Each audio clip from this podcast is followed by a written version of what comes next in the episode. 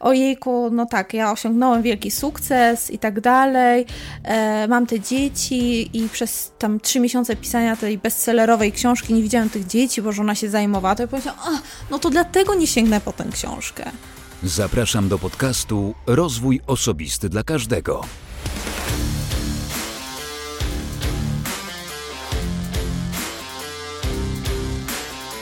Cześć.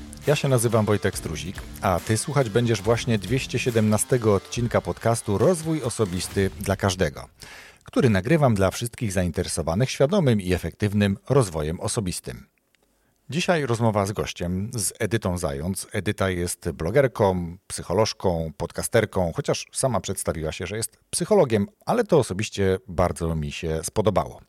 Rozmowa myślę, że bardzo ciekawa, bo rozmawialiśmy nie tylko o psychologii, nie tylko o rozwoju osobistym i nie tylko o podcastach, ale trochę o książkach, trochę o naszych takich różnych przemyśleniach, więc to nie jest stricte wywiad, ale myślę, że ciekawa i sympatyczna rozmowa, do której wysłuchania gorąco Cię namawiam. Ale pozwól, że zanim zaproszę Cię do samej rozmowy, to przypomnę, że w 216 odcinku, odcinku solowym, mówiłem o swoim przypadku budowania nawyków i o tym, jak to mi się sprawdza i co konkretnie powoduje, że te nawyki, te na których mi zależy, budują się i mam z tego satysfakcję i widzę sens. Więc jeśli nie słuchałeś, nie słuchałaś odcinka 216, to ja w tym miejscu gorąco Cię do tego namawiam. I tradycyjnie również w tym miejscu podziękuję wszystkim patronom za wsparcie, za udział w spotkaniach online, za pomoc, za dodawanie otuchy również i, i, te wszystkie rozmowy, i maile i wiadomości, które od Was dostaję, kochani patroni, są dla mnie bardzo, bardzo ważne i bardzo za nie dziękuję. A jeśli Ty chcesz dołączyć do grona patronów, to wystarczy, że wejdziesz na stronę patronite.pl łamane przez RODK i tam zobaczysz, który próg Tobie najbardziej odpowiada. Ja tradycyjnie również z góry za to dziękuję i już teraz zapraszam do wysłuchania rozmowy z Edytą Zając. Nazywam się Edyta Zając. Jestem psychologiem i pracuję nad tym, aby psychologia była dostępna nawet wtedy, kiedy nie chcemy po nią wyjść z domu. Czyli prowadzę podcasty, prowadzę kursy online, piszę książki, e-booki i to jest moja życiowa misja. Ciekawie się przedstawiłaś. Ja w instrukcji, którą do ciebie wysłałem, napisałem psycholożka. Ty powiedziałaś, jestem psychologiem. Jak u ciebie z tymi feminatywami? Wiesz co, e, nie wiem, czy to jest poprawnie politycznie aktualnie, ale nie, nie jestem mocno przywiązana do żadnej wersji. Nie jestem e, wiesz, nie, nic, nic mnie nie obraża, tak okay. mogłabym to określić. Bardzo mi się to podoba. Też mam takie podejście, jeżeli ktoś chce być nazwany e, psycholożką, to będę mówił, że jest psycholożką. Jeśli ktoś mówi, że jest psychologiem, to znaczy, że jest psychologiem, więc cieszę tak, się. Tak, róbmy co chcemy. Cieszę się, lubię rozmawiać z psychologami, sam się tym interesuję, choć psychologiem nie jestem. Niemniej jednak jakby psychologia towarzyszy nam na co dzień, nawet jeżeli nie jesteśmy do końca tego świadomi, te wszystkie e, wpływy, influencje, jakkolwiek to nazwiemy, czy, czy to, co nas dotyka, e, to przebodźcowanie, którego czasem nie jesteśmy świadomi. Ale dobra, to o tym będzie za chwilkę, bo ja tradycyjnie na wstępie wszystkich swoich gości proszę o to, aby e, oprócz tego, że się pięknie przedstawiają, mówią czym się zajmują, to żeby troszeczkę powiedzieli słuchaczom, ponieważ podcast jest o rozwoju osobistym, e, to ja zmieniłem pytanie i brzmi ono teraz mniej więcej tak, jakie są Twoje, Edyto, sposoby na to, żeby się rozwijać? Mm, czasami, kiedy e, myślę o mojej historii w tej branży psychologicznej i w tym osobistym rozwoju, zastanawiam się nad tym mm, pierwszym momentem, tym, tym momentem, od którego wszystko się zaczęło. I tak naprawdę ten, ten moment dużo zdefiniował w moim rozwoju. Mianowicie to była taka chwila, kiedy wiele, wiele lat temu e, trafiła w moje ręce książka e, chyba Jacka Canfielda. Nadal mam taki znak zapytania, czy to jego. E, I e, w tej książce była, wiesz, to starej daty książka tak naprawdę. I w tej książce była taka instrukcja, żeby sobie zrobić listę celów, i że jeżeli zrobisz listę celów, to wiele rzeczy się zacznie realizować właściwie samo, więc ja wtedy, nie wiem czy miałam 15 czy 16 lat, ale uwierzyłam w to w 100% i stwierdziłam, no to czemu niby nie? Więc robiłam tę listę i, e, wiesz, i zaczął się różne szczydziać dobre. To przekonało mnie wtedy, że, że warto i tak naprawdę e, w wielu różnych sytuacjach sięgam po przede wszystkim słowo pisane, e, przede wszystkim e, sięgam po dzienniki, odpowiedzi na pytania, też takie, które są z przeszłości. Lubię pisać, lubię myśleć, lubię mówić do siebie w samochodzie i ta jedna moja ulubiona właśnie e, metoda pracy nad swoim rozwojem osobistym to jest trasa po, do przedszkola po moje dziecko i gło, za głośne pytanie zadane samej sobie oczywiście w ciszy samotności samochodu. E, o co ci chodzi tak naprawdę? Bo ogarnijmy to. O co chodzi, co czujesz na ten temat. E, to jest taka rozmowa, e, rozmowa ze sobą, ale taka absolutnie szczera, bo nawet jeżeli mamy bliskie relacje, super, wiesz, przyjaźni i tak dalej, czasami są takie rzeczy, które są tylko nasze. I dla mnie taka rozmowa ze sobą w samochodzie jest sposobem na to, żeby czasami wypowiedzieć to, na co jeszcze nie jestem gotowa, żeby wypowiedzieć jakiejś relacji, albo czasami nawet nie wiem, że mam coś takiego do powiedzenia, do przemyślenia. Więc dla mnie aspekt refleksji jest najważniejszy jak to Darek Użycki w swojej książce. Kurczę, zastanawiam się, że ja prawie co odcinek wspominam Darka Użyckiego, bo on jest trochę jak ojciec chrzestny tego podcastu, bo po jego książce zacząłem się robić trochę bardziej aktywny, ale on to nazywa autorefleksją, czyli jakby taka rozmowa mhm. sama ze sobą. E, przemyślenie, czy przemyśliwanie tak naprawdę tego wszystkiego, co nam gdzieś w tej głowie huczy, ale podoba mi się to, co też powiedziałaś, co ciebie zainspirowało do rozwoju i, i, i to się bardzo sprawdza mnie teraz, kiedy ja też to robię i o czym mówię w swoim podcaście, czyli pisaniu albo wypisywaniu tego, co się ma w głowie, żeby tego nie nosić. No, nasza głowa nie jest trochę dyskiem twardym i, i dobrze jest ją luzować wyrzucaniem takich różnych myśli, pomysłów, e, bolączek mm, do dzienników, notesów, kajetów, gdziekolwiek, żeby tylko właśnie e, mieć takie poczucie lekkości. Nie wiem, jako dzieciak pamiętam, że jak chodziłem do spowiedzi, to po tej spowiedzi byłem taki lekki i niejednokrotnie po, e, po wypisaniu takich rzeczy gdzieś w notatniku, wyrzuceniu tego z siebie, tego stresu na przykład, też mam takie wrażenie, trochę jakby mi zeszło coś ze mnie, z tych barek z, został mi jakiś ciężar zdjęty. Mm, dobrze, to idźmy w takim razie dalej za ciosem. Troszeczkę zmienię ten scenariusz, który tutaj napisałem, bo myślę, że słuchaczy to też może trochę interesować. E, powiedziałaś o ciekawym przypadku dotyczącym rozwoju, e, ale też się zastanawiam, w którym momencie my już bardziej świadomie wybieramy swoją ścieżkę nie tyle rozwojową, chociaż to jest stricte połączone z rozwojem, ale tę ścieżkę kariery zawodowej, czy też kariery biznesowej, jakkolwiek by na to popatrzeć. W którym momencie ty już wiedziałaś, czułaś albo tak mniej więcej przewidywałaś, że, że to jest kierunek dla ciebie, że bycie psychologiem, wspieranie ludzi w tym zakresie to jest to coś, co chcesz robić? Mm, to jest pytanie, na które mam chyba kilka odpowiedzi. Niektóre są ze sobą sprzeczne, więc zobaczymy, którą z nich wybierzesz. E, to, że chciałam pomagać, wiedziałam zawsze, z jednej strony dlatego, że zawsze byłam taką powierniczką dla mojego rodzeństwa. Mam jednego brata rodzonego, ale mam dużo kuzynów młodszych, więc to jest moje rodzeństwo właściwie. I zawsze byłam tą osobą, która rozwiązywała z nimi problemy, pytała, co czują.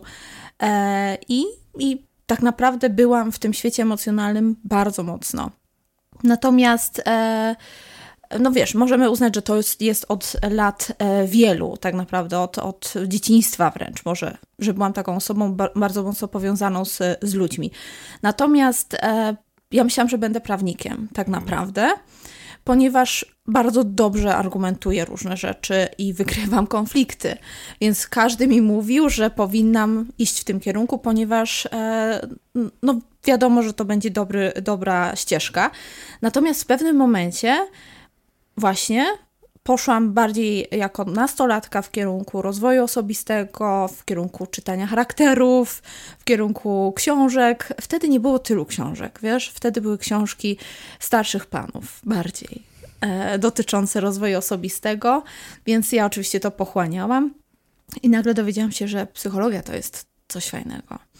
Więc można powiedzieć, że, że to mnie mocno um, ukierunkowało. Jednak dla mnie to czas studiów był tak naprawdę weryfikujący wszystko, ponieważ psychologia to jest ciężki kierunek studiów. Wszyscy to mówią, więc ja też tak będę mówić. I to jest taki kierunek, który daje bardzo wiele możliwości. I ja też znów na samym początku byłam pewna, że będę psychoterapeutą wręcz od razu. druga kwestia, byłam pewna, że będę, w pewnym momencie byłam pewna, że będę pracować e, z osobami, które żyją z niepełnosprawnościami. To był mój, mój kierunek też magisterski. I, no i wszystko się zmieniło, ponieważ odkryłam świat internetu, blogowania, tworzenia online i okazało się, że ja jestem zupełnie w innym kierunku, kompletnie, że nie będę pracować w szpitalu, tylko będę robić różne rzeczy również online. Mhm. Ciekawe, bo myślę, że to jest y, z jednej strony z jednej strony to pokazuje, że nie ma rzeczy pewnych, nie ma rzeczy stałych, ta zmiana jakby jest wszechobecna i tylko to, jak my się z nią godzimy albo jak ją przetwarzamy w sobie, jak się do niej ustosunkowujemy, powoduje, czy ona robi nam dobrze. Nie? Bo jeżeli będziemy się przed nią bronić, a jest nam niemalże pisana, no to będziemy ten proces niepotrzebnie wydłużać. Więc to, to ciekawe. A z drugiej strony internet mm, też dobrze, dlatego że tak jak powiedziałaś na wstępie naszej rozmowy, pomagasz ludziom, którzy niekoniecznie po pierwsze czują, że potrzebują pomocy, bo to się nagle okazuje gdzieś podświadomie, a z drugiej strony mają pewne obawy, lęki, e, coś ich blokuje przed tym, żeby wyjść do gabinetu, porozmawiać, tak? Bo jeszcze cały czas e, myślę, że mocno mamy, szczególnie w tych pokoleniach bliższych mojemu lub nawet starszych, takie przeczucie, taki stygmat, że pójście do psychoterapeuty, do psychologa świadczy o tym, że coś jest z nami nie tak. Nie? Natomiast no to jest to, co, jeżeli idziemy do dentysty, to z nami jest coś nie tak? Jeżeli idziemy do kardiologa, coś jest z nami nie tak? No pewnie trochę tak, natomiast to są naturalne ludzkie rzeczy i tak samo jak nam choruje serce, może nam z czasem zachorować głowa. Widzimy, co się dzieje z kwestią depresji, e, ale my, my dzisiaj nie o depresji, my dzisiaj ogólnie o, o pomaganiu. I tutaj kolejne w związku z tym e, pytanie do ciebie, Edyto. Spotykasz się z ludźmi na różnym gruncie. E, zakładam, że w mediach społecznościowych dostajesz dziesiątki, setki pytań e, na live'ach czy, czy w innych, czy po podcastach na przykład, które publikujesz, też do ciebie trafiają jakieś pytania. Tudzież twoi pacjenci. E, z czym najczęściej do ciebie właśnie przychodzą? Jakiego rodzaju pomocy potrzebują te osoby, które się do ciebie odzywają?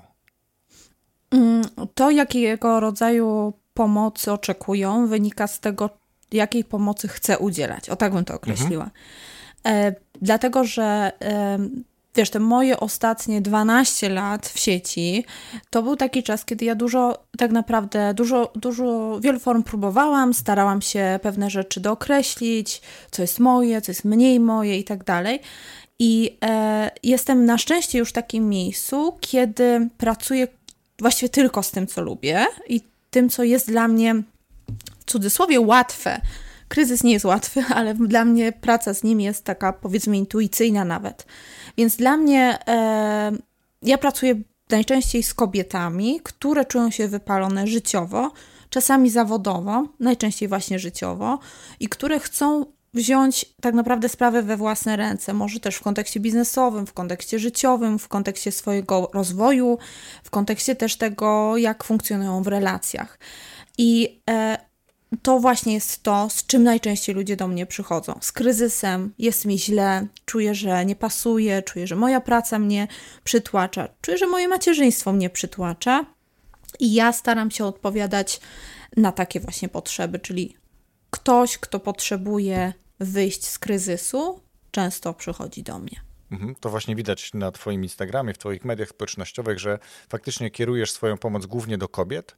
E, nie mówię tu o kolorze Twoich marek, Twojej marki, ale generalnie faktycznie tak to komunikujesz.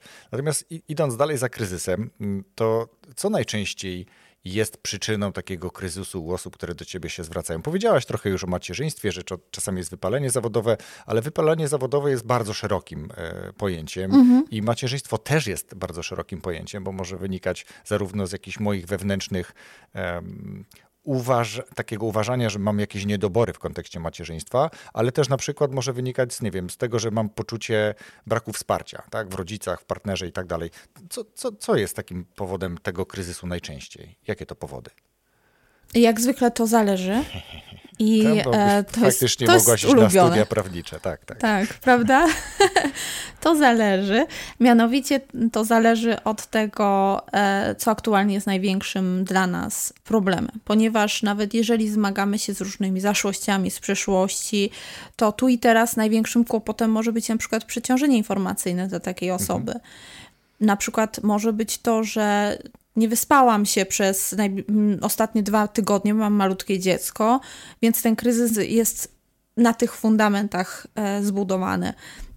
Kryzys może wynikać też z tego, czy czuję się pewna siebie w życiu, czy czuję, że wiesz, moja wartość jest zauważana przeze mnie na przykład, więc jest wiele elementów, które wpływają na powstanie kryzysu, natomiast to, co bardzo, bardzo często wraca w różnych rozmowach, również na moich e, sesjach, to jest to, że kobiety, ale pewnie też mężczyźni, zmagają się z pomieszaniem ról. Tak bym to nazwała. Mhm. To znaczy, dzisiaj powinniśmy być wszystkim i każdym. E, nie chciałabym wrócić, wiesz, do lat 50., absolutnie, ale e, jednak taki podział ostry, który był kiedyś, pozwalał wielu osobom się odnaleźć łatwiej. Dziś musimy dookreślić, czy ja jestem kobietą biznesu, czy matką. No więc jestem tą kobietą biznesu, więc jeżeli nie jestem z dziećmi w domu, to pewnie czuję się źle. Bardzo często pojawiają się wyrzuty sumienia, więc idę do pracy i pracuję, pracuję, pracuję, no ale no ale zaniedbuję e, teraz te moje dzieci, za chwilę zaniedbuję znowu pracę, jak jestem z dziećmi. Wiesz, nie wiemy tak naprawdę w co ręce włożyć, żeby czuć się pewnie i czuć się swobodniej, czuć jestem w dobrym miejscu. Plus dodajmy piękne porównania z innymi osobami, szczególnie online, gdzie widzimy, widzimy kobiety, mężczyzn, którzy osiągają właściwie wszystko jak gdyby nigdy nic. E, overnight success, prawda? Czyli jakby z dnia na dzień nagle, mhm. wyś, wiesz, za, za, za parę, parę chwil nagle ta osoba osiąga to, nad czym ja tak bardzo pracuję. Więc my porównujemy swoje kulisy do czyjejś sceny i to też nie sprzyja naszemu zdrowiu psychicznemu. Mhm. Dokładnie tak. Chciałem powiedzieć, że media społecznościowe, internet nie sprzyja e, temu, żebyśmy odnaleźli siebie, bo próbujemy odnaleźć siebie przez pryzmat innych. To ja bardzo często też powtarzam, że fajnie jest mieć marzenia, tylko żeby to były moje marzenia, nie marzenia innych, tak? Żeby to był mój cel, który jest wynikiem wewnętrznej potrzeby właśnie tych marzeń moich prawdziwych, a nie tego, że widziałem zdjęcia kogoś, że wszedł sobie na górę albo cokolwiek innego sobie tam obejrzał, czy samochód zobaczył, czy, czy jest nomadem na przykład, tak? I pracuje z różnych miejsc na świecie, bo, bo ludzie mogą mieć takie pragnienia, się później okazuje, że oni nie nadają się do takiego rodzaju życia. To nie było ich, nie? I to, jest kolejny e, jakiś taki taki problem później do przepracowania, że, że to jednak nie jest to. I faktycznie tracimy gdzieś swoje poczucie takiej własnej wartości trochę przez, przez takie zagubienie. Nie? To, to myślę, że jest faktycznie ciężkie dla bardzo wielu osób. Dobrze, to, to, to wiemy mniej więcej faktycznie, co nas dotyka dzisiaj jako ludzi i, i zgodzę się z Tobą, że to nie dotyczy tylko kobiet, bo, bo mężczyźni również. Natomiast ciekaw jestem, czy to, że wybrałaś trochę bardziej sprofilowałaś się na pomoc kobietom, wynika z tego, że to kobiety częściej same artykułują, że potrzebują pomocy, czy raczej, no bo tak się utarło trochę, że mężczyźni to oni gdzieś tam radzą sobie sami w tych swoich pudełkach nicości, czy to jest jakiś inny powód? E, wiesz co, ja na samym początku, no może nie tylko na samym początku, przez kilka lat byłam mocno, że jestem dla każdego. Mhm jeżeli chodzi o, o taką pracę.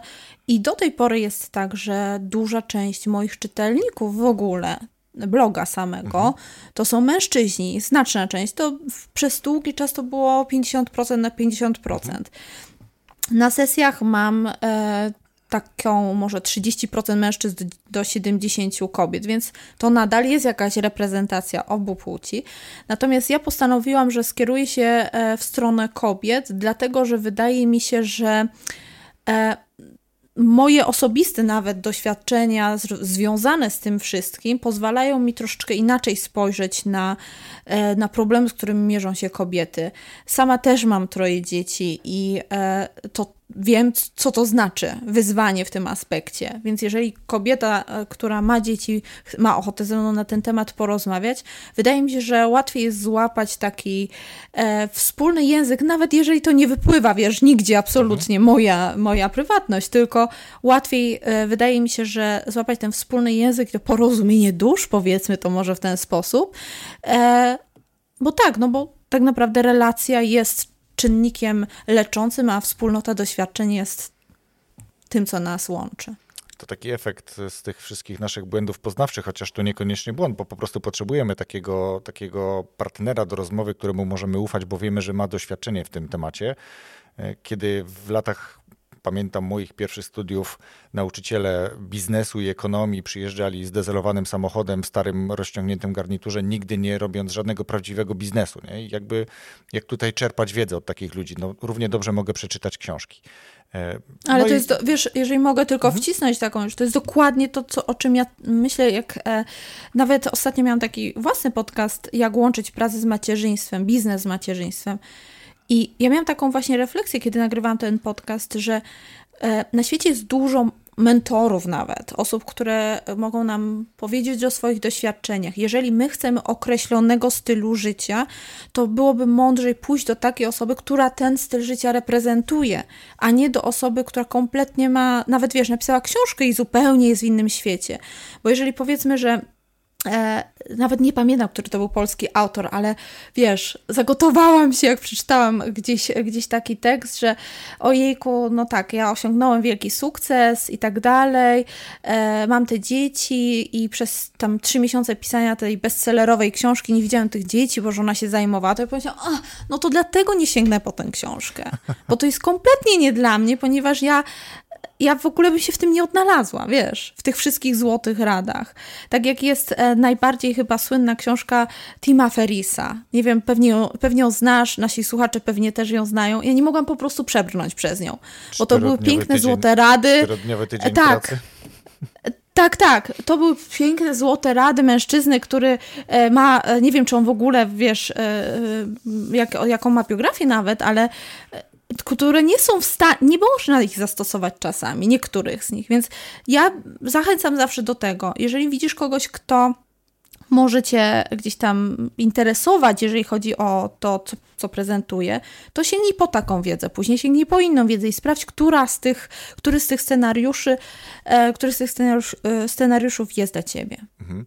Co do wspomnianego Tima Ferisa, ja czytając tą książkę po tym, jak tak wiele osób w tym czasie ją polecało, byłem tak zaskoczony i tak rozczarowany, że mówię, to jest amerykańska jakaś tam historia y, dla, dla takich łatwowiarków. Tak? Tym bardziej, że on opisywał wtedy coś, co w Polsce jeszcze nie do końca funkcjonowało. No dzisiaj być może jest bardziej osadzona w tych realiach. On opisywał wtedy na przykład, nie wiem, delegowanie pracy do wirtualnych asystentów, których w Polsce tak, wtedy nie było, jak ja to czytałem. I on to delegował mhm. tak, gdzieś do Azji i tak dalej, nie? żeby było taniej. I to się dzisiaj dzieje na świecie, nie? czyli jakby to jest, ok, my do tego trochę dojrzeliśmy, ale tam jest masę innych, tak jak to powiedziałaś, złotych, ja tutaj pokazuję w cudzysłowie, złotych rad, e, trudno powiedzieć, czy, czy wiarygodnych. Tak samo wiesz, no jest dużo takich książek. E, ja lubię słuchać czasami mądrości Simona e, Sinka w, gdzieś w internecie, krótkich takich, tak? czasami wyrwanych z szerszego kontekstu. Natomiast znowu, jego książka Zacznij od dlaczego też dla mnie nie była żadnym bestsellerem. To, to, to nie są żadne nowości o, o tym, że coś jest żeby znaleźć to coś swojego dlaczego, to my bardziej po polsku powinniśmy po co powiedzieć, to, to, są, to, to jest już jakieś pradzieje. To, to jest już tak stare, że on to po prostu odświeżył i wjechał na tym bardzo fajnie. I okej, okay, dobra, no bo to, to faktycznie gdzieś się tą książką wylansował i jest dzisiaj rozpoznawalną osobą e, w, w mediach społecznościowych głównie. Ale zgadzam się z tym, żeby szukać osób, które przeszły pewną drogę tak, czyli osiągnęły coś i dzisiaj wspierają. Ja mam trochę wrażenie, że my dzisiaj mamy bardzo wielu mentorów, tak zwanych domorosłych, a ci prawdziwi mają takie bardzo głębokie poczucie skromności trochę też, że nie oferują tego tak otwarcie. Tak? Gdyby ktoś się do nich zgłosił. A, mo a może nie mają czasu? Tylko wiesz, co robią w tym czasie? Robią biznes. Wiesz co, tak, ale myślę, że Albo jest zajmują się, wiesz, dużo osób, które być może znalazłyby na to czas. I to, wiesz, tak jak trzeba znaleźć czas na rodzinę, o czym wspomniałaś, a nie zamykać się w samotnie napisanie książki i parę innych rzeczy, ale takie mam trochę poczucie, nie? To jak sobie tutaj rozmawiamy o tym, bo to, to zawsze dla mnie lepiej, jak sobie rozmawiamy o pewnych rzeczach. Nie, nie jest to stricte sam wywiad, więc ciekawy, ciekawy jestem opinii swoich rozmówców i myślę, że słuchacze też e, mogą się do tego odnieść i teraz jak słuchają tego, jadą samochodem, samochodem, to albo kiwają głową na tak, albo kiwają głową na nie, nie? Że jakby na przykład komuś ta książka Simona Sinka się bardzo podobała i była odkrywcza, prawda? Ktoś tam kocha Tima Ferisa, na pewno. No, zgadza się, no to okej, okay, no szanujemy, prawda? No, no, można jak najbardziej. Bardzo. Dobra, Edyta, słuchaj, e, idziemy dalej, idziemy dalej e, w psychologię. Powiedziałaś, co ci, e, co cię skłoniło do tego, że jednak wybrałaś kobiety i ja jeszcze dodałbym pewnie do tego trochę coś takiego, z czym sam jeszcze mam pewnego rodzaju problem, czyli umiejętność wybierania, o czym mówiłaś na początku, tego, co chcesz robić, co lubisz robić. Możesz sobie w pewnym, czy na pewnym etapie swojej kariery pozwolić na to, że odmawiasz wszystkim tym, z którymi nie czujesz, że dobrze ci się będzie pracowało. I to powoduje wtedy, że ten kierunek, który sobie wybrałaś, czy wybraliście, drodzy słuchacze, jest tym, co naprawdę was spełnia, bo czujecie wtedy większą radość. Nie czujecie tego stresu, że przyjęliście jakieś zlecenie, z którego nie jesteście do końca zadowoleni. Prawda? Bo się męczycie z tym klientem, on jest jakiś, nie, nie wiem, nieprzewidywalny, a jeszcze później, nie wiem, nie zapłaci albo napisze złą opinię. Więc to, to bywa faktycznie różnie. E, idziemy dalej w psychologię. E, jak czujesz, bo to już wiemy, że pomagasz najchętniej kobietom, ale w czym ty czujesz się taka najpewniejsza? W jakim rodzaju udzielanej pomocy? Czy to właśnie tych kryzysach, o których wspomniałaś, czy jest jeszcze coś, gdzie czujesz się, e, nie wiem, pomagasz dobrze odbudowywać poczucie własnej wartości, tak? Potrafisz ukierunkować w tym, potrafisz wskazać te obszary, które powodują, że ta pewność ciebie rośnie. Co to jest takiego, taki, taka twoja superpower? Tą e, moją mocną stronę mm, identyfikuję po tym, że nie muszę się przygotowywać. Czyli na przykład, jeżeli miałabym e, dzisiaj za pół godziny zrobić wystąpienie o wypaleniu życiowym, to zrobiłabym sobie, wiesz, herbatę, obejrzałabym odcinek serialu może i wstałabym i nagrałabym to albo odpowiedziałabym na ten temat. Więc dla mnie to jest ten wyznacznik, że nie muszę się przygotowywać, ale nie dlatego, że wiesz, jestem e, zapewna siebie, tylko bardziej, że e, bardzo dużo pracuję nad tym, żeby tę wiedzę poszerzać i bardzo często to robię i bardzo lubię to. E, moi, moja przyjaciółka mówi, że ach, ty po prostu uwielbiasz, jak ktoś ma kryzys, prawda? Bo rzeczywiście trochę tak jest. Uwielbiam w tym sensie, że o, no to robimy, prawda? Czas robić robotę.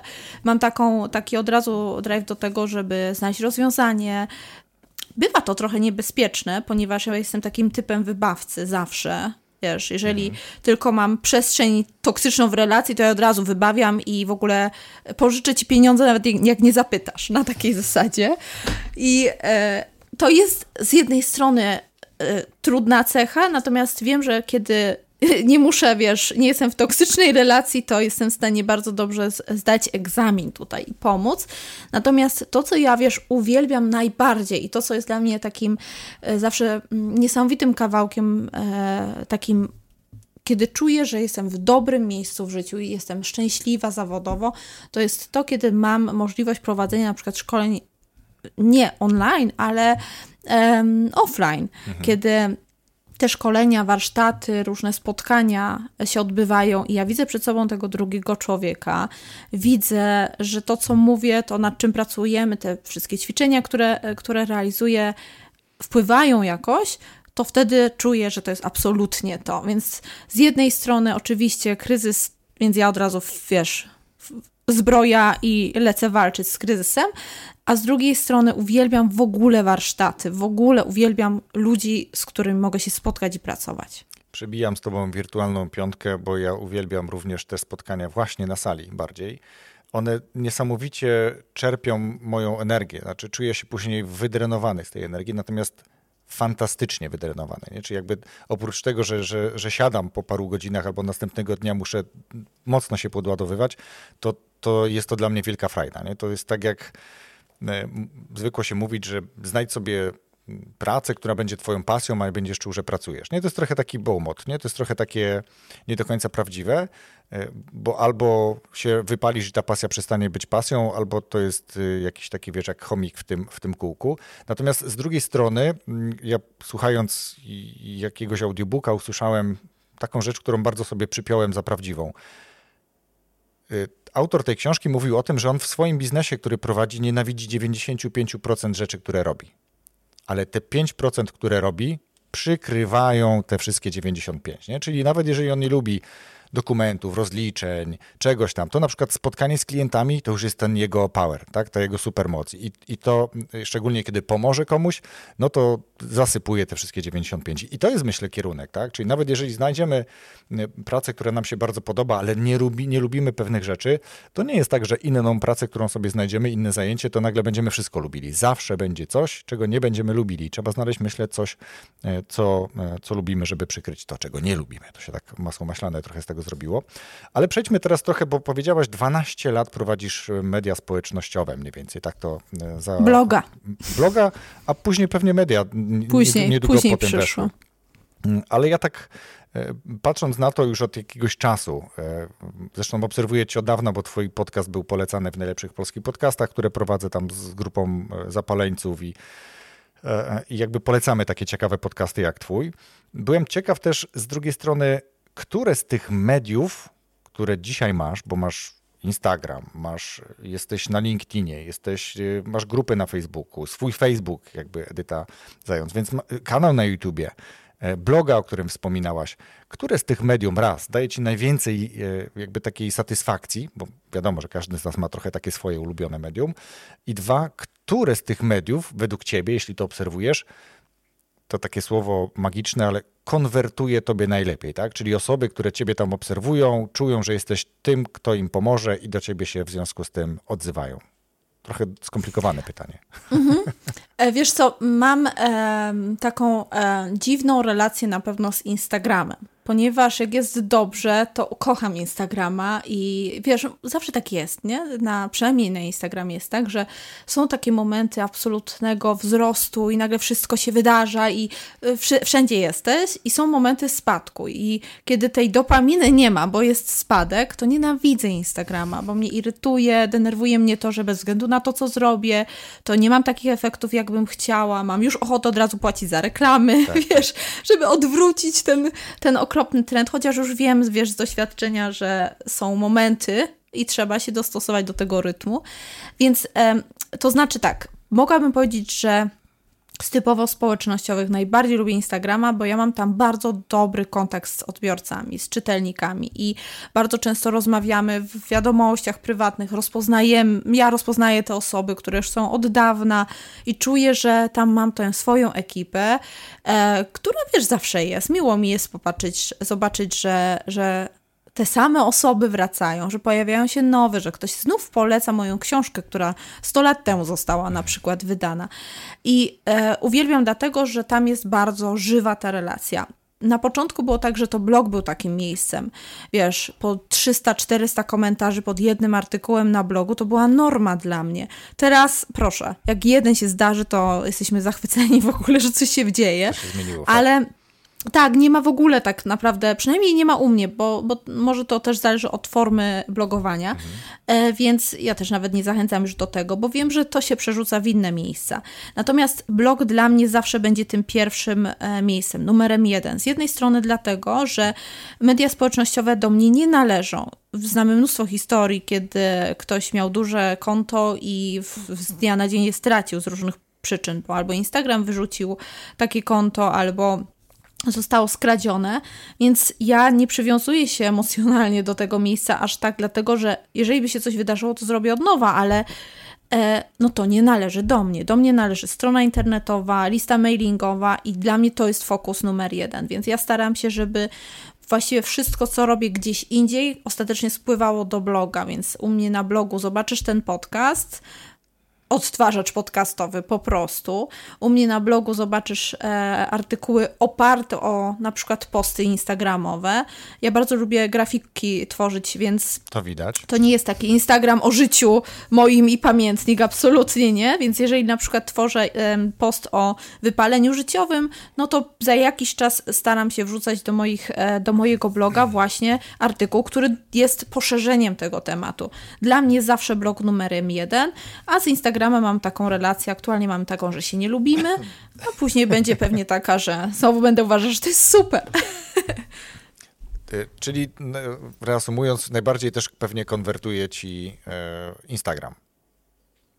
To znaczy, e, tak, zdecydowanie.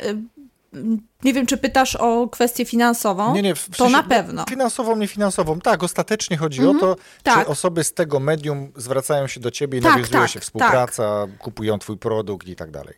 Tak, tak, Mhm. dlatego że ja mam e, tak e, ustawione wszystko, co jest u mnie na blogu, że jeżeli e, kupujesz, to wiem skąd tak naprawdę ta, ta, czy sesję ktoś zakupił Mhm. na indywidualną, czy kurs, czy, czy właśnie jakiekolwiek inne rzeczy, więc tak rzeczywiście Instagram jest tym miejscem, ale dlatego, że, że tam, gdzie jest największa relacja z ludźmi, to tam tak naprawdę następuje taki, taki e, tak naprawdę ta sprzedaż realna, wymiana korzyści, tak to nazwijmy, żeby nie było sprzedaż, prawda? Więc e, pewnie dlatego, że ludzie są w relacji, jest zaufanie, Ufają, tak. Tak, to, to wtedy też chętniej się pojawiają i ja też się cieszę, kiedy ktoś w ogóle poleca moje rzeczy i mówi, słuchajcie, jest tutaj, tutaj taki artykuł na blogu, no to też Instagram jest po to, żeby ludzie mieli opcję na kontakt. Z Facebookiem bywa różnie, chociaż bardzo lubię. Tak? Taki mam, wiesz, sentyment Okej. trochę do Facebooka. Ja Coraz mniej y, tam, coraz rzadziej tam zaglądam, ale y, to też może tak. Też wolę Instagram, chociaż nie mam takich ani czasu, po pierwsze, bo jakby pracuję zawodowo i to mnie bardzo pochłania, lubię swoją pracę. E, Ale jeżeli już coś mam tam zrobić, to faktycznie jest to, jest to Instagram. Ale teraz chcę zapytać, bo mówiłem o mediach społecznościowych, a mnie bardzo też interesuje podcast, bo jak wspominałem tu w rozmowie, ja też raz mam dwa swoje podcasty, prowadzę około podcastowe projekty, czyli te najlepsze polskie podcasty newsletter i Pyrcaster konferencja raz w roku. Pomagam też ludziom, tak? Bo ten drugi profil na Instagramie jest stricte po to, żeby pomagać tym, którzy chcą tworzyć podcasty albo robić je trochę lepiej. Jak to u ciebie wyglądało? Jak się zaczęła twoja przygoda z podcastem? A później zapytam o inne rzeczy. E, wiesz, wiesz, że nie wiem tak naprawdę, od czego się to zaczęło. Obudziłam bo- się i miałem już 10 odcinków. Przysięgam, tak się czuję. Naprawdę tak się czuję i ja próbuję złapać to, a nawet wiesz co, trochę chyba teraz wiem, jak się tak zastanowiłam. E, tak, w sumie tak, już trochę wiem. Miałam e, w, chyba w 2019 roku albo 2018, coś tego typu, stworzyłam pierwszy kurs online psychologiczny, który był oparty na podcastach. Tak, przecież po to kupiłam wtedy ten mikrofon, mój pierwszy. I em, i nagrałam wtedy taki półroczny kurs, gdzie do materiałów PDF-owych były dołączone nagrania półgodzinne dotyczące tematu, czyli powiedzmy to było budowanie pewności siebie, więc na przykład e, temat dotyczył radzenia sobie z negatywnymi myślami, więc miałeś materiały i miałeś ten podcast, prawda? Moje wypowiedzi w tej formie. I e, to się fenomenalnie sprawdziło. Do dzisiaj to działa, a e, później e, jakoś, tak, teraz dzięki, że w ogóle zadałeś mi to pytanie, bo mogę sobie moją historię odtworzyć. I wiesz co, i później nagrałam podcast właśnie o kryzysie i to, co mnie najbardziej zadziwiło, i nie wiem, czy ty też miałeś taki moment, ale nagle dostałam bardzo wiele informacji zwrotnych. Pierwszy podcast w ogóle na jakimś dziwnym miejscu, w jakimś dziwnym miejscu, e, e, nie pamiętam, jaki to nawet był SoundCloud, który w SoundCloud, ogóle mi nie zapewne, leży. tak. O, nie znoszę go. I Bo to nie jest e, teraz nie jestem dla podcastów. To w ogóle, to w ogóle kompletnie nie wiem, co się mi stało wtedy. No więc był ten Sound, SoundCloud i Ktoś ja tak już doradził, dostałam no masę informacji, że ej, ale masz bardzo fajny głos, taki terapeutyczny. I ja przysięgam, miałam moment takiego kryzysu tożsamości prawie, bo ja nie mam według siebie wtedy, nie mam żadnego głosu do podcastu. I e, no i wiesz, zaczęłam się trochę z tym bawić, raz na miesiąc odcinek, raz na dwa tygodnie i w pewnym momencie, ponieważ tych głosów o tym moim głosie było bardzo wiele, stwierdziłam, no dobra, no to już nagrywam. I przysięgam, miałam jakieś 10 podcastów, postanowiłam, że nagrywam podcasty. E, no i tak to wygląda, że od chyba dwóch lat, tak, tak e, mniej więcej, e, podjęłam deklarację, że jest raz w tygodniu odcinek. Mam wsparcie w postaci osoby, która mi pomaga na te podcasty składać, bo dla mnie to też była taka kwestia wymagająca, nie? że nagrałam podcast, później cała ta produkcja, ach, już nie chciałam nagrywać tego wszystkiego znowu i znowu tego przeżywać i znowu słuchać siebie od nowa i znowu przyzwyczaić się do tego swojego głosu. I jak już ta deklaracja była, że to nagrywam, to od tamtej pory tak naprawdę fajnie to, to sobie działa. Jestem zadowolona. Gratulacje. Gratulacje y, za decyzję tak naprawdę, ponieważ do mnie bardzo dużo osób pisze jak organizuję webinary na przykład właśnie dla tych, którzy chcą nagrywać, to jednym z najczęstszych pytań jest raz czas, tak? Powodów, może, powodów, dlaczego nie nagrywam czas, a pytań, które chciałbyś zadać, y, czy chciałabyś zadać, y, od czego zacząć? To, to jest jakby takie najczęstsze pytanie, od czego zacząć? Więc ty zaczęłaś od tego, że nagrałaś kurs, a się okazało, że to jest całkiem ciekawa forma i, i dzisiaj faktycznie. Wiesz robisz... co, zaczęłam. Mhm. Zaczęłam od kupienia mikrofonu. No dobra, od kupienia mikrofonu, ale są tacy, którzy zaczynają Wiesz, od nagrywania na telefonie. Że ale ja się bałam, że to będzie okay. byle jakie, wiesz. I dlatego mówisz, zaczęłam, zawsze, od, zawsze mówię, że ja zaczęłam od sprzętu, bo to już jest, że to jest na poważnie. A wiesz co, uśmiecham się do siebie, bo ja miałem tak podobnie z kilkoma innymi rzeczami w swoim życiu. Dawno, dawno jeszcze przed podcastami, dawno, dawno, dawno temu, kiedy jeszcze y, graliśmy na kasetach y, magnetofonowych, kiedy wchodziły odtwarzacze DVD. Mnie jeszcze na ten odtwarzacz nie było stać, ale żeby sobie zrobić takie postanowienie, nazwijmy to, tak żeby sobie pomóc trochę w tym dotarciu do tego odtwarzacza, to ja kupiłem sobie już dwie płyty. Ja dobrze pamiętam, co to były za płyty. To był e, Marek Gerchuta mm, i to było Dire Straits, Brothers in the Arms. Więc e, rozumiem, że mogłaś mieć taką potrzebę, bo niektórzy, i to jest fajna rada, niektórzy od tego zaczynają. Jak już wydam pieniądze, to już nie ma odwrotu. Oczywiście no to już robię, zawsze, to tak? już robię, ale, to ale już robię. trzeba Jeżeli ktoś robić. potrzebuje takiej motywacji, to myślę, że to też jest fajna, e, fajna wskazówka. Edyta, płyńmy do brzegu. E, zmieniłem kształt jednego z, z pytań, które chciałem Ci zadać, na coś takiego, że gdybyś mogła udzielić swojemu, nazwijmy to klientowi, osoby, która zwraca się do Ciebie o pomoc, tylko jednej rady, takiej uniwersalnej dla wszystkich w związku z tym zakładam, to jaka to by była rada? Wysypiaj się, nie popełniaj błędów, które popełnia bardzo duża część społeczeństwa, ponieważ deprywacja snu, czyli zmuszanie się do snu poniżej 6 godzin na dobę, sprawia, że będziesz krócej żyć, będziesz nieszczęśliwy i na pewno nie zrealizujesz swoich celów. I to nie, nie jest tylko moje zdanie, ale to potwierdzają wszelkie możliwe badania. Bardzo dziękuję. Dokładnie tak jest. W moim podcaście co najmniej w dwóch, jak nie trzech odcinkach, nawet jeden był dedykowany, bo to był terapeuta bezsenności mówiliśmy o śnie. Od tamtej pory, no dobra, trochę wcześniej, bo ja się już interesowałem tym tematem, dlatego go zaprosiłem, bo ja mówię, że w moim podcaście to ja jestem egoistą, bo ja zapraszam gości dla siebie tak naprawdę, żeby z nimi porozmawiać. E, I, i, i zgadzam się z tobą. Jakby ja obserwuję e, swój sen bardzo regularnie. Namówiłem nawet do tego, że ona, ona też obserwuje swój sen. Wygląda to diametralnie różnie, co prawda u nas, mm, ale widzę pewne prawdopodobieństwa, znaczy takie prawidłowości, nie prawdopodobieństwa, tylko prawidłowości, kiedy e, albo zbyt późno pójdę na spacer i ta endorfina jeszcze jest gorzej mi się zasypia, albo późno coś zjem, albo więcej e, wypiję wody czy herbaty przed, e, przed snem. Są prawidłowości, które później wpływają. I bardzo mnie bawią osoby, które nie do końca jeszcze znają, wiedzą coś o tym i mówią, e, tam, ja tam wypiję kawę przed snem i śpię. Owszem, śpisz, ale twoje serducho ale... tak wali w ciągu mm. nocy, że ty się nie regenerujesz, tak? I gdybyś mierzył to mm. jakimkolwiek narzędziem, które wspiera to, czy aplikacją i tym narzędziem, to widziałbyś, że twoje średnie tętno jest wyższe i ten organizm się nie, nie regeneruje wtedy. I robimy sobie kuku. Właśnie niewysypianiem się albo niedbaniem o higienę snu, o jakość snu, więc świetna, świetna wskazówka i myślę, że każdy może z niej skorzystać. Bardzo ci za to dziękuję. A teraz jeszcze zapytam o kolejną rzecz. Jaką książkę albo jakie książki poleciłabyś słuchaczom o rozwoju osobistym? Znaczy słuchaczom podcastu o rozwoju, a to wcale nie muszą być książki rozwojowe, bo to może być, nie wiem. A Wojtek, to jest po prostu pytanie niemożliwe dla mnie. Głowa się odwróciła w stronę regału z książkami. Tak. I zastanówmy się, co by mogło być. Zawsze polecam moją książkę. Okej, okay, dawaj. Dobra?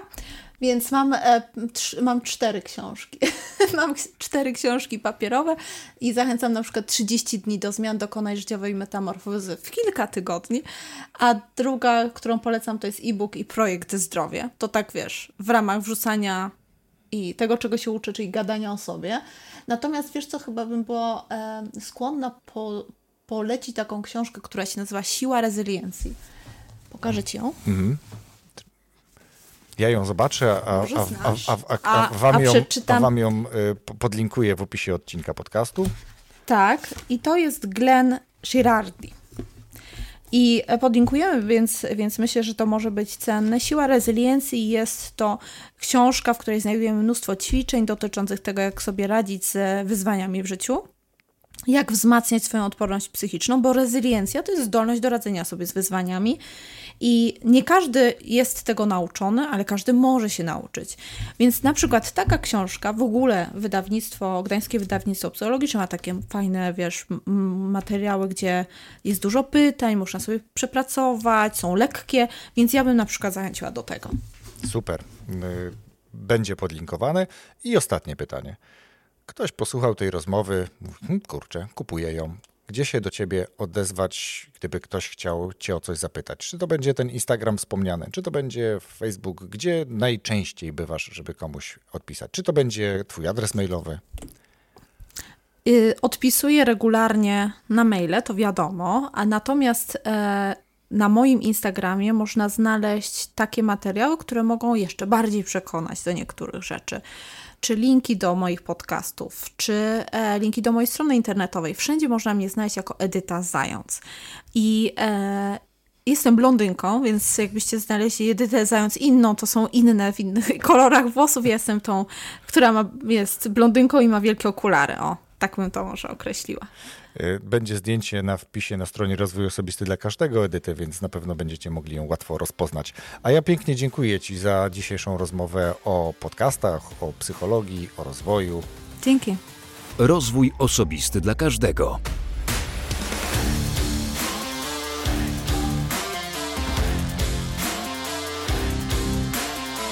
Bardzo dziękuję Ci, że wysłuchałeś, wysłuchałaś naszej rozmowy do końca. W swoim newsletterze, do którego możesz się zapisać na stronie Rozwój Osobisty dla każdego, będzie materiał, który Edyta dała jako bonus do tego odcinka. Co to jest, zobaczysz w newsletterze, więc jeśli już subskrybujesz, masz to gwarantowane. Jeśli chcesz zobaczyć, co to za materiał od Edyty, to wystarczy, że zapiszesz się na ten newsletter. A ja bardzo dziękuję raz jeszcze za wysłuchanie tej rozmowy i zapraszam za tydzień. W piątek kolejny nowy odcinek podcastu Rozwój Osobisty dla każdego. Wszystkiego dobrego.